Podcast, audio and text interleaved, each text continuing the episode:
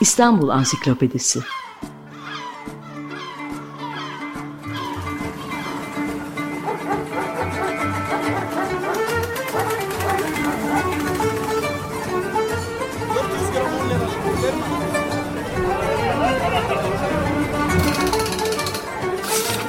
İnsanlar, olaylar, mekanlar, gelenekler ve ihtiyaçlar üzerinden şehrin tarihinden sayfalar.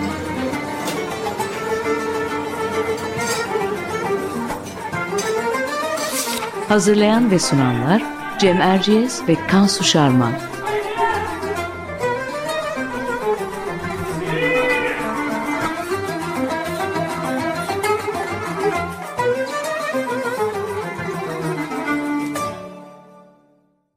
Merhaba, Cem Erciyes ben. Açık Radyo'da Kansu Şarman'la birlikte hazırladığımız İstanbul Ansiklopedisi'nin yeni bir programındayız. Bu programla üçüncü yayın dönemine adım atmış oluyoruz. Herkese tekrar teşekkürler. Şimdi bu haftaki konumuza gelelim. Bu haftaki konumuz İstanbul'un ressamları. Bu kenti konu edilen sanatçılar ve onların yaptığı manzaralardan bahsedeceğiz. Konuğumuz ise sanat tarihçisi Elif Dastarlı. Elif hoş geldin. Hoş bulduk, merhaba. Hoş geldiniz. Konumuzu İstanbul'un ressamları olarak belirlerken tabii esas ilgilendiğimiz şey İstanbul resimleri. Demin de söylediğim gibi bize bu kenti anlatan tablolar. Çünkü bu resimlere baktığımızda hem 19 ve 20. yüzyılın geçip gitmiş o eski İstanbul'unu görebiliyoruz. Hem de o dönemin sanatçılarının bu kente nasıl baktıklarını, onların gözünden bu kenti izlemenin imkanını buluyoruz. İstanbul'u anlatan özellikle manzaralar, tarihi yapılar Türk resminin çok sevdiği konulardan biri olmuş ve ilk ressamlardan modern zamanlara kadar böyle sayısız resim yapılmış. Türk resminin ustalarını ve farklı tarzları sadece İstanbul resimlerine bakarak da epey yakın bir zamana kadar takip etmek mümkün.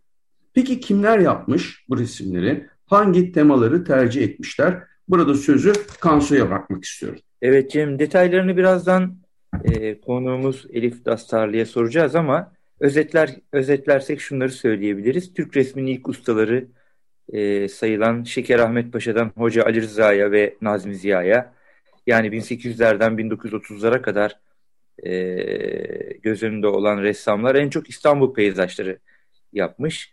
Elif Dastarlı'nın Büyük İstanbul Tarihi adlı ansiklopedideki yazısından aktaracak olursam e, bunun sebepleri arasında 19. yüzyıl Batı resminde kendini gösteren empresyonistlerin etkisi, fotoğrafın e, yaygınlaşmaya başlaması ve e, seyri, hoş resimler üretme isteği e, sayılabilir.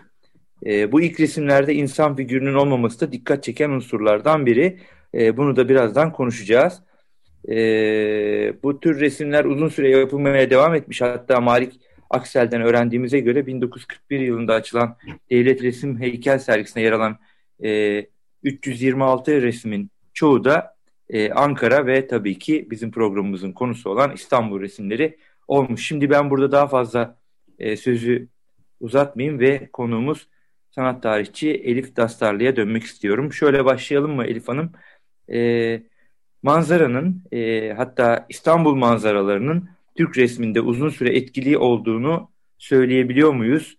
Söyleyebiliyorsak bunu neye bağlıyorsunuz? E, ressamlar kenti, bu kenti neden bu kadar çok sevmiş? Evet, e, teşekkürler. Önce şunu söylemek lazım tabii. Bizde resim aslında daha öncesinde de var, minyatür şeklinde var ama o e, tabii kitap resmi, kamusal değil. Kamusal resim batılılaşmayla geliyor. Ee, ve dediğiniz gibi e, çoğunlukla manzara üretiliyor ve İstanbul manzarası üretiliyor. Hatta işte Nazmi Ziyalar 30'lar falan değil çok daha sonrasına kadar da devam ediyor. Yani e, işte 60'lar 70'lere kadar Türk sanatında aslında gerçekten ağırlıklı olarak manzara çalışıldığını görüyoruz ve İstanbul manzarası. Ee, şöyle sormak lazım bence neden daha çok manzara çalışılmış ve neden daha çok İstanbul manzarası çalışılmış? İkisi biraz evet. daha ayrı ayrı cevaplanabilecek şeyler. Daha çok manzara çünkü e, yani tabii ki ilk etapta hepimizin aklına gelebilecek olan o İslam'da suret yasayla ilgili bir mevzu var burada. E, canlı sureti olmamasıyla ilgili bir gelenek. Bunun da e, aslında bir yasak olmadığını artık biliyoruz. Yani çok ciddi tartışmalar yapıldı bununla ilgili ama artık şey değil yani hani Kur'an'da böyle bir yasak yok. Bu kabul edilmiş durumda. E, fakat işte Hz. Muhammed zamandan başlayarak e, ibadet edilen yerlerde, mekanlarda işte canlı sureti olmamasıyla ilgili bir gelenek, kültürel bir şey haline geliyor daha sonra. E, bu böyle devam ediyor ve bununla ilgili bir çekince var tabii ki yani e, batılılaşma söz konusu ama 19. yüzyılda hala hatta yine Cumhuriyet sonrasında da mesela halkın toplumun nezdinde bu e, şey e, canlı suret üretimiyle ilgili çekince ciddi anlamda da devam ediyor. E, ikinci olarak söyleyebileceğimiz işte güzel e, sanat kategorisi e, burada önemli. Çünkü bizim sanatımız zaten akademik. Yani işte moderniteyle birlikte yani modernleşmeyle birlikte Batı modernitesinin esas alınmasıyla birlikte bizim ilk ressam kuşaklarımız oluşmaya başlıyor. E, onlar da işte asker ressamlardan itibaren yani 1883'te sanayi nefisi açılacak ama ondan öncesinde e, Avrupa'ya gidiyorlar. Çoğunlukla tabii ki Paris'e gidip orada akademik bir eğitim alıyorlar e, işte desen üzerine kurulu ondan sonra e, ve yani bu akademik eğitimin zaten çok önemli bir parçası hem öğrenme sürecinde hem de genel olarak o güzel sanat fikrinin içerisinde e, doğayla olan ilişki vardır. Onu öğrenmeye, çözümlemeye çalışıyorlar ama çok akademik sınırlar içinde yani. E, çünkü burayı işte modern sanat, e, işte güzel sanat tanımında değiştirecek manzara anlayışını da işte empresyonistlerden falan biliyoruz zaten değişecek yani yine manzara devam edecek ama akademik e, sanat anlayışında başka bir e, şeyi var, anlamı var bunun. E, bu pastoral güzellik e, kısmı da önemli manzaranın. Bizim sanatçılarımız ona da tabii ki e, önem veriyorlar uzun bir süre. Ee, öte yandan e, mesela şunu da düşünmek lazım. Ee, bir e, resim yapmak isteyen ressam için kolay ulaşılabilir bir konu manzara aynı zamanda. Böyle çok pratik bir neden ama bu da bence özellikle Türk resminde manzaranın sayısını artırıyor İstanbul manzarasının. Ee, ve dediğim gibi yani Türk resminin kaynakları işte o batılaşma sürecindeki ilk uygulamalar e, mesela e, tuval resminden önce duvar resmi olarak görüyoruz biz manzarayı aslında Türk sanatında. İşte Topkapı e, Sarayı Harem Dairesi'nden tutun da Yıldız Sarayı'na kadar. Oralarda böyle küçük küçük e, duvarlarda, panolarda manzara resimleri var. Çok durgun hani e, çok özellikli olmayan dekoratif manzaralar bunlar tabii ki ama e, bunların da etkili olduğunu bence söyleyebiliriz yani daha sonrası için. Ee, ve İstanbul, niye İstanbul manzarası? Ee, aslında bu biraz absürt geliyor bana bunu düşünmek. Çünkü genelde bizim sanatımızda yani hala da öyle tabii de e, biraz İstanbul dışıysa istisnadır ve o ayrıca belirtilir. İşte Ankara denir, işte Bursa denir, İzmir denir filan. E, İstanbul'sa sanattır zaten hani çok kaide yani. E, Fotoğrafın da etkisi var mı bunda acaba? Tabii kesinlikle fotoğrafında etkisi var. Ee, onunla ilgili yani şöyle söyleyebilirim 19. yüzyılda aslında resmin tabii bizde bu yabancı ressamlar işte e, e, gayrimüslim e, Osmanlı milletleri e, onlar daha şeye açıklar e, bu batılılaşma sürecinde işte batılı yaşam tarzına, adetlere, gelenek, göreneklere tabii ki görsel olarak da e, işte hani bir figüre ya da bir imgeye daha e, e, açık zihinler e, ve fotoğrafın icat edilmesiyle birlikte ki Osmanlı'da da aslında erken tarihte görmeye başlıyoruz yani yaygınlaşması 1860'lardan itibaren hemen oluyor Osmanlı'da İstanbul'da. Ee, ve e, Pera'da tabii ki işte çeşitli e, fotoğraf stüdyoları kuruluyor. E, elbette yine hani şeylerin gayrimüslimler işte e, e, Pascal Sebalar ya da işte e, şey e, Abdullah biraderler olarak bildiğimiz e, fotoğrafçılar. E, onların stüdyolarında da elbette e, çekilen fotoğraflar bizim sanatçılarımız tarafından e, bir şey olarak e, model olarak alınmıştır diye tahmin ediyoruz. İstanbul manzaralarını çok fazla çekiyorlar ve e, figür de çekiyorlar tabii ki o fotoğraf giderek figüre doğru da kayıyor ama İstanbul manzaraları çok belirleyici. Ee, orada tabii primitifler diye bir yanlış adlandırılan, yanlış sınıflandırılan bir e, e, kuşak sanatçı var. Erken dönem yine 19. yüzyıl e, sanatçıları bunlar ama onlar özellikle fotoğraftan çok faydalanıyorlar. E, ve e, figürsüz fotoğraflardan e, işte e, hem asker ressamlar var hem Darüşşafakalı e, bir e, ekol var bunun içinde. Özellikle yıldız fotoğraf albümleri tabii burada çok önemlidir. Sonradan fotoğraftan çekil, e, yapıldığı anlaşılmış resimler üretiyor bu işte primitifler olarak dediğim gibi. E, daha sonrasında yanlış isimlendirilen e, 1936 yılında hatta Burhan Toprak tarafından akademide yapılan bir sergide e, işte Türk resminin kaynağı, kökeni, ilk kuşağı filan. Halbuki şeydir yani doğum tarihleri Osman Hamdi'den sonra filan evet. e, bir kuşak bir taraftan da. Peki e, tabii yani senin anlattıklarından da çok güzel e, anlıyorum ben de ki yani İstanbul'u resmetmelerinden daha doğal bir şey olamaz. E, çünkü zaten bu şehirde yaşıyorlar. Bir de bu şehir gerçekten etkileyici. E, tabii bu etkileyiciliğinde onun onda bulduğumuz o şiirsellikte ona yüklediğimiz anlamlar da var. Hani özellikle hani artık 19. yüzyılın sonlarına geldiğimizde hani bir kayıp geçmiş bir zamanı olan Özlem bu Cumhuriyet'in ilk dönemlerinde iyice başka bir şeye dönüşüyor. Ee, bu, bununla ilgili de bir tutku oluşuyor İstanbul hakkında sanatçılarda. Peki tabii, tabii, mutlaka. E, ne, ne, nereleri en çok resmediyor İstanbul'u e, ressam İstanbul'un ressamları? Yani tabiri caizse şövalelerini nereye kuruyorlar? Hangi manzaraları tercih ediyorlar? İstanbul'un hangi köşelerini ya da hangi yapılarını diye sorsam sana bize böyle küçük örneklerle anlatabilir misin? Tabii. E, fakat şövalyelerini kurmuyorlar İstanbul'a maalesef erken dönemde. Güzel bu da iyi bir bilgi. Buyur. Evet, çıkamıyorlar yani İstanbul'a dışarı.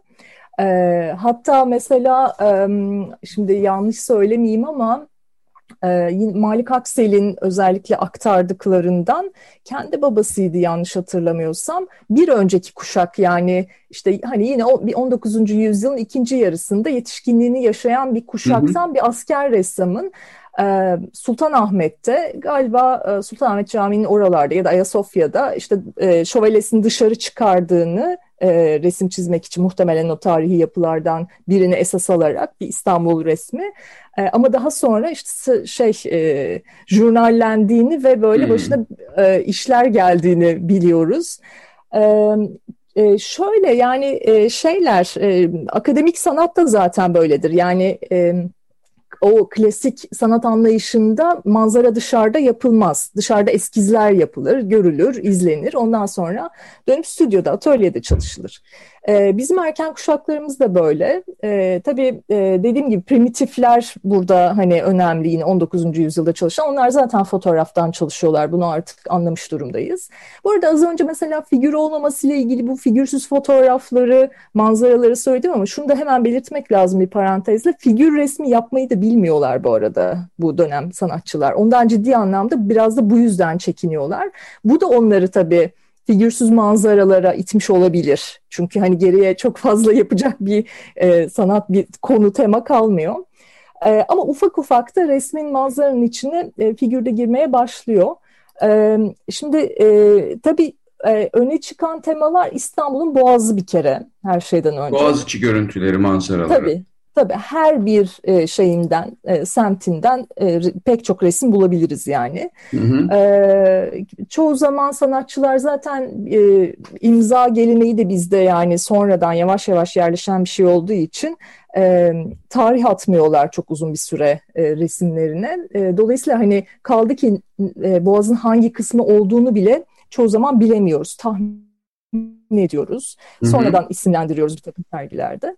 E, ama boğaz resimleri bu çok açık e, görüyoruz. İşte e, bununla ilgili mesela Osman Hamdi'nin bile yani Türk resmine hani anıtsal figürü getiren yani ağırlıklı olarak figür resmi yapan bir ismin bile aslında manzara çalıştığını biliyoruz ama ondan sonra e, sanat öykü şey hayat öyküsüne baktığımızda e, Osman Hamdi'nin e, işte Boğaz'da e, Kuru Çeşme'de bir yalıda yaşadığını hayatın bir döneminde görüyoruz. E, dolayısıyla hani Boğaz resmi yapmayacaktı ne yapacak diye düşünmek e, mantıklı. Hı hı, e, keza e, Şeker Ahmet Paşa asker kökenli olan o da çalışıyor. E, işte Hüseyin Zekai, e, Rumeli Kava, Boğaz manzaraları, aynı zamanda Erenköy mesela su olmayan bir e, İstanbul şeyi olarak, coğrafyası olarak Hı-hı. Erenköy ama orada da tabii e, bir sayfiye geleneği var yani büyük köşkler işte, var. Köşkler tabii tabii. E, oralar çok çalışılıyor. Erenköy manzaraları var. Hüseyin Zekai'nin var. E, Hoca Ali Rıza'nın böyle erken kuşaktan Üsküdar resimleri e, keza. Ondan sonra zaten 14 kuşağı geliyor. E, meşrutiyet kuşağı dediğimiz e, Osmanlı'nın son dönem e, tam, ressamları. Tam burada onu sorabilir miyim? Yani ilk dönem asker ressamlarla daha sonra sanayi nefisede eğitim alan e, ya da yurt dışında eğitim alan e, ressamların elbette ki e, sanatçı olarak yani teknik olarak e, ya da üslup olarak farklılıkları vardır ama kente bakışlarında da bir farklılık var mı? E, baş gösteriyor mu? Bununla ilgili bir gözlemin var mı? E, kuşkusuz olmalı. E, resimlere bakarak bunu ne kadar anlayabiliriz ondan biraz şüpheliyim hani şimdi düşününce ama e, teknik değişiyor elbette. Çünkü zaten giderek bir işte modern resim Avrupa'da ortaya çıkmış. E, yani gerçi bizim batılılaşma öykümüzün başından beri zaten Avrupa'da e, modern resim, modern sanat var. Yavaş yavaş kurumsallaşıyor. Ama bizim sanatçılarımız gidip e, batıda o moderni almıyorlar. Yine klasiği alıp dönüyorlar. Bu biraz hı hı. işte 14 kuşağıyla değişiyor. Ve onların yaşadığı dönemde e, yani 1914 yılında e, şeye e, Paris'e gitmiş, eğitimi almış ve geri dönen bir kuşak. O yüzden 14 kuşağı diyoruz zaten. 20'li yaşlarındalar filan. Tabii yaşadıkları tarihsel aralık açısından da işte savaşlar, Osmanlı hızlı bir biçimde o çalkantılı yıkılış dönemi başlamış. Şehre o açıdan baktıklarını düşünebiliriz ama yani dediğim gibi bunun şeyini etkisini ne kadar resimlerde görüyoruz doğrusu ondan biraz Hı. şüpheliyim. Çünkü adeta hatta şunu söyleyebiliriz resimlere özellikle İstanbul resimlerine manzaralarına falan baktığımızda bu sanatçıların sanki hani hiç savaş yokmuş hiç hatta şeyde bile işgal döneminde e, bile e, mütareke döneminde bile e, hani e, o kadar olağanüstü bir dönem yaşamıyorlarmış gibi bir izlenime kapılabiliyor insan. E, bunu biraz hayatlarına işte konuştuklarına yazdıklarına falan dönüp baktığımızda ne kadar aslında tabii ki o dönemin etkisinde kaldıklarını anlıyoruz ama resim hep bir şeyinde kalmış onun yani e, daha temiz steril bir alanda evet. kalmış gibi görünüyor aslında bir güzellik ben, olarak kalmış. Buyur pardon. Evet evet. Yo, rica ederim. Şeyi e, son 10 dakikamıza geldik. E, ben de hızlıca Cumhuriyet dönemine geçmek istiyorum ama kısa bir cevap olarak e, hani e, resmi yapanlar açısından anlattınız. Acaba resim meraklıları açısından da vaziyet böyle mi? Yani talep edenler de resme meraklı olanlar da manzara resimlerini mi tercih ediyordu da bu konuda e, başka bir alana kaymak bu kadar da çabuk ya da e, kolay olmadı. Biraz da o geliyor insanın hakkına. Ben tabii iyi bir resim meraklısı falan değilim ama hani bugün bile hep Hoca Ali Rıza deyince e, koleksiyonerlerin falan böyle eli ayağı titrer falan manzara resimleri daha bir ilgi görür. Ee, evet, evet. Ee, ama alıcı e, bir şey koleksiyoner diyebileceğimiz bir tipoloji yok tabii ortada. Ee, sanatçılar zorla resimlerini satmaya çalışıyorlar. Ama yine de tabii ki resim satarak hayatta kalmaya çalıştıklarını görüyoruz. Mesela burada şey önemlidir, Şevket Dağ şeydir, bir ayrıksıdır. Çünkü Sezer Tansu mesela onun manzaralar yaptın. Bir de tarihi yapıları zaten esas alıyor. İşte Ayasofya'nın e, ressamı denir filan. Çok güzel Ayasofya ee, resimleri vardır çünkü. Evet, evet Şevket evet. Ee, şeye gidiyor Ankara'ya gidip resimlerini bürokratlara satıp İstanbul'a geri dönüyormuş mesela ama tabii ağırlıklı manzara resimleri hatta Sezer Tansu bunu biraz böyle kınayarak anlatıyor işte ee, hani onu şey, fırsatçı buluyor yani. birazcık sanki fırsatçı. öyle mi? Evet, yani İstanbul'a evet, hasret kalmış bürokratlara İstanbul resimleri satıyor Şevket. Evet ama çok düşük fiyatlara Evet. Çok düşük fiyatlara satılıyor yine de yani bundan çok şikayetçi sanatçılar hani e, o yüzden de zaten ciddi anlamda bir devlet desteği var sanata ve işte devlet resim heykel sergileri falan pek çok farklı uygulamadan biri orada da mesela e, ciddi anlamda manzara e, resimleri satın alınıyor devlet tarafından. Peki o zaman şöyle devam edelim. Cumhuriyet kurulduktan sonra e, devrimler ve gündelik hayatın değişmeye başlaması da e, ressamların konularını etkilemiş olmalı diye düşünüyorum. E, mesela e, Nazmi Ziya'nın ünlü Taksim resimlerinden söz edebiliriz.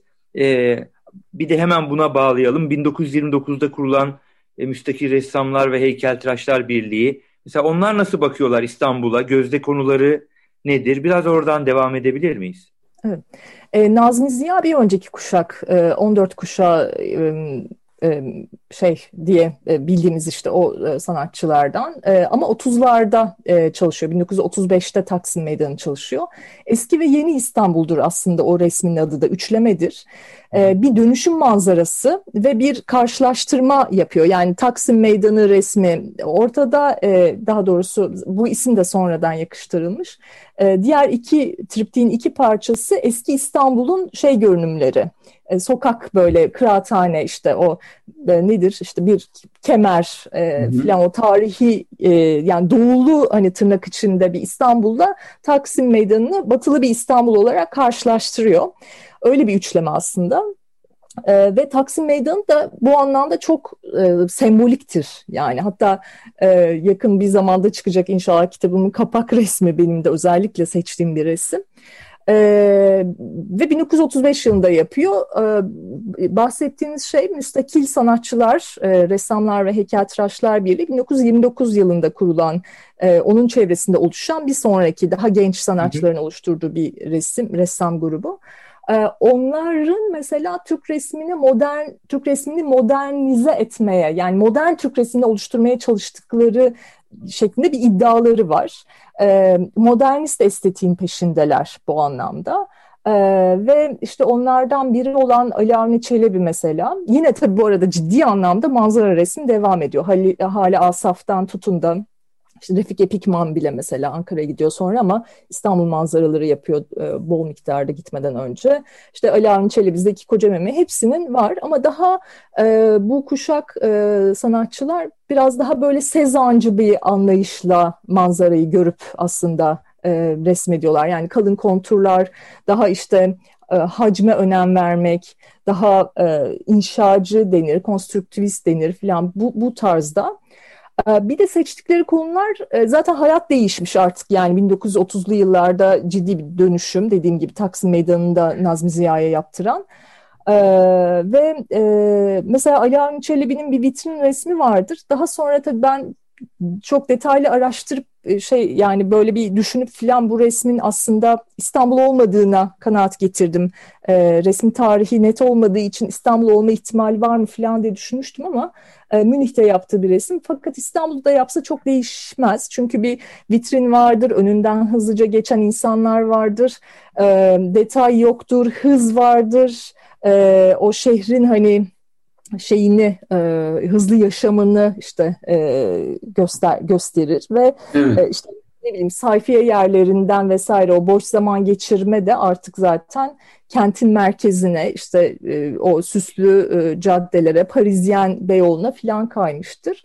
E, bu tarz e, bir sanatı ufak ufak görmeye başlıyoruz tabii ki. Yani e, daha böyle e, Cumhuriyet sonrası döneme girdiğimizde e, artık kentin içine gündelik hayatına bakmaya başlıyor ressamlar. E, o kentin daha modern yüzünü hatta e, bizim daha sonra keşmekeşi diyeceğimiz karmaşasına doğru hafif hafif yöneliyorlar. E, Çok hafif ama yine ağırlıklı olarak peyzaj var yani. Peyzaj var değil mi? O romantik, şiirsel. Evet. Tabii şunu ek, ekleyeyim hani sürede bitmek üzere ama hani o sözünü e, evet yani alıcı e, diyelim yani resim bakanlar da o şiirsel resimleri tercih ediyorlar. Bugün hala çerçevecilerdeki. İstanbul resimlerine bakın. Hani en e, standart hani e, yemek odasına asılacak, oturma odasına asılacak hepsi or oralarda sonsuz İstanbul, şiirsel İstanbul manzaraları satılır.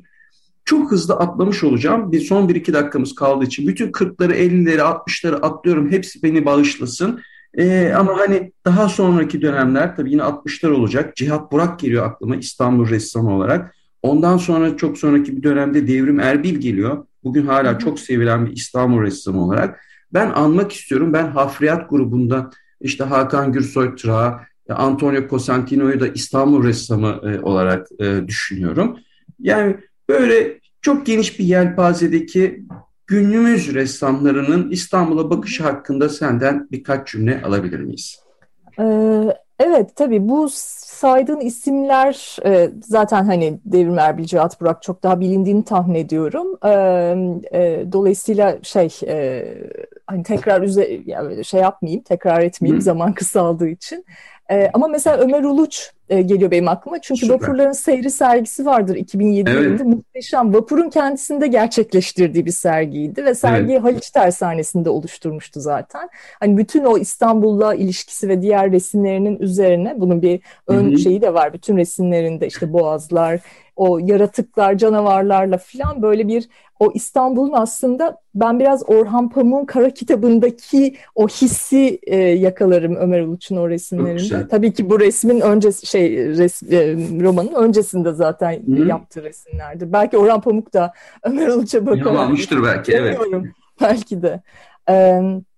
Ee, burada e, şey var mesela Füsun Onur geliyor aklıma. Çünkü hala e, işte uzun ömürlü olsun e, Kuzguncuk'taki küçük yalısında yaşıyor. Ve orada mesela hayatıyla sanatı o kadar iç içedir ki Füsun Onur'un zaten.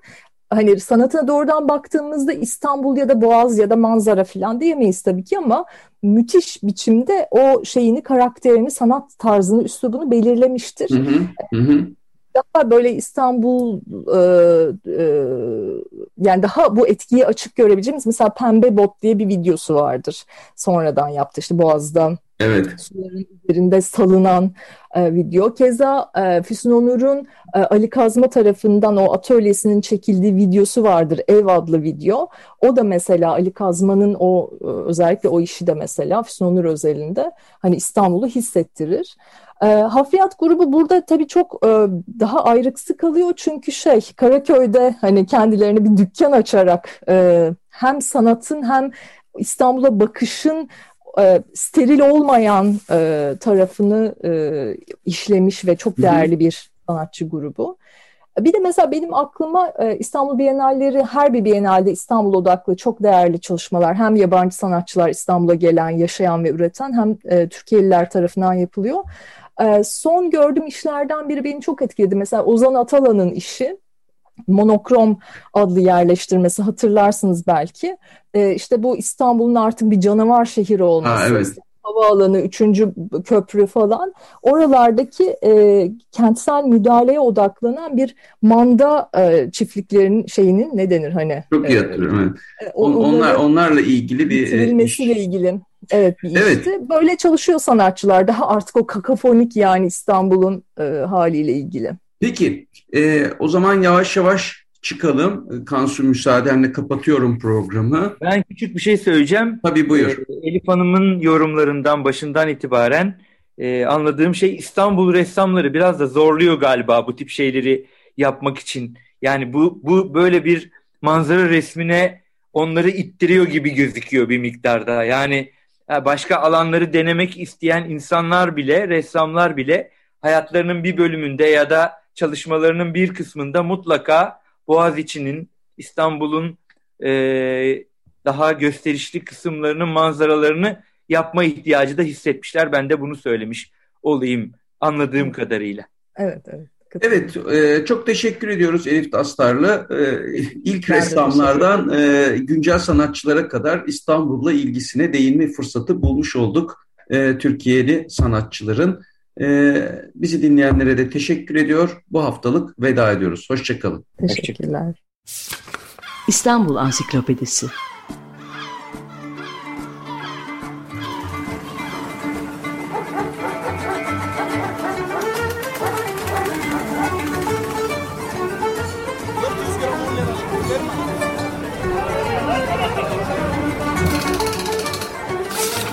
İnsanlar, olaylar, mekanlar, gelenekler ve ihtiyaçlar üzerinden şehrin tarihinden sayfalar.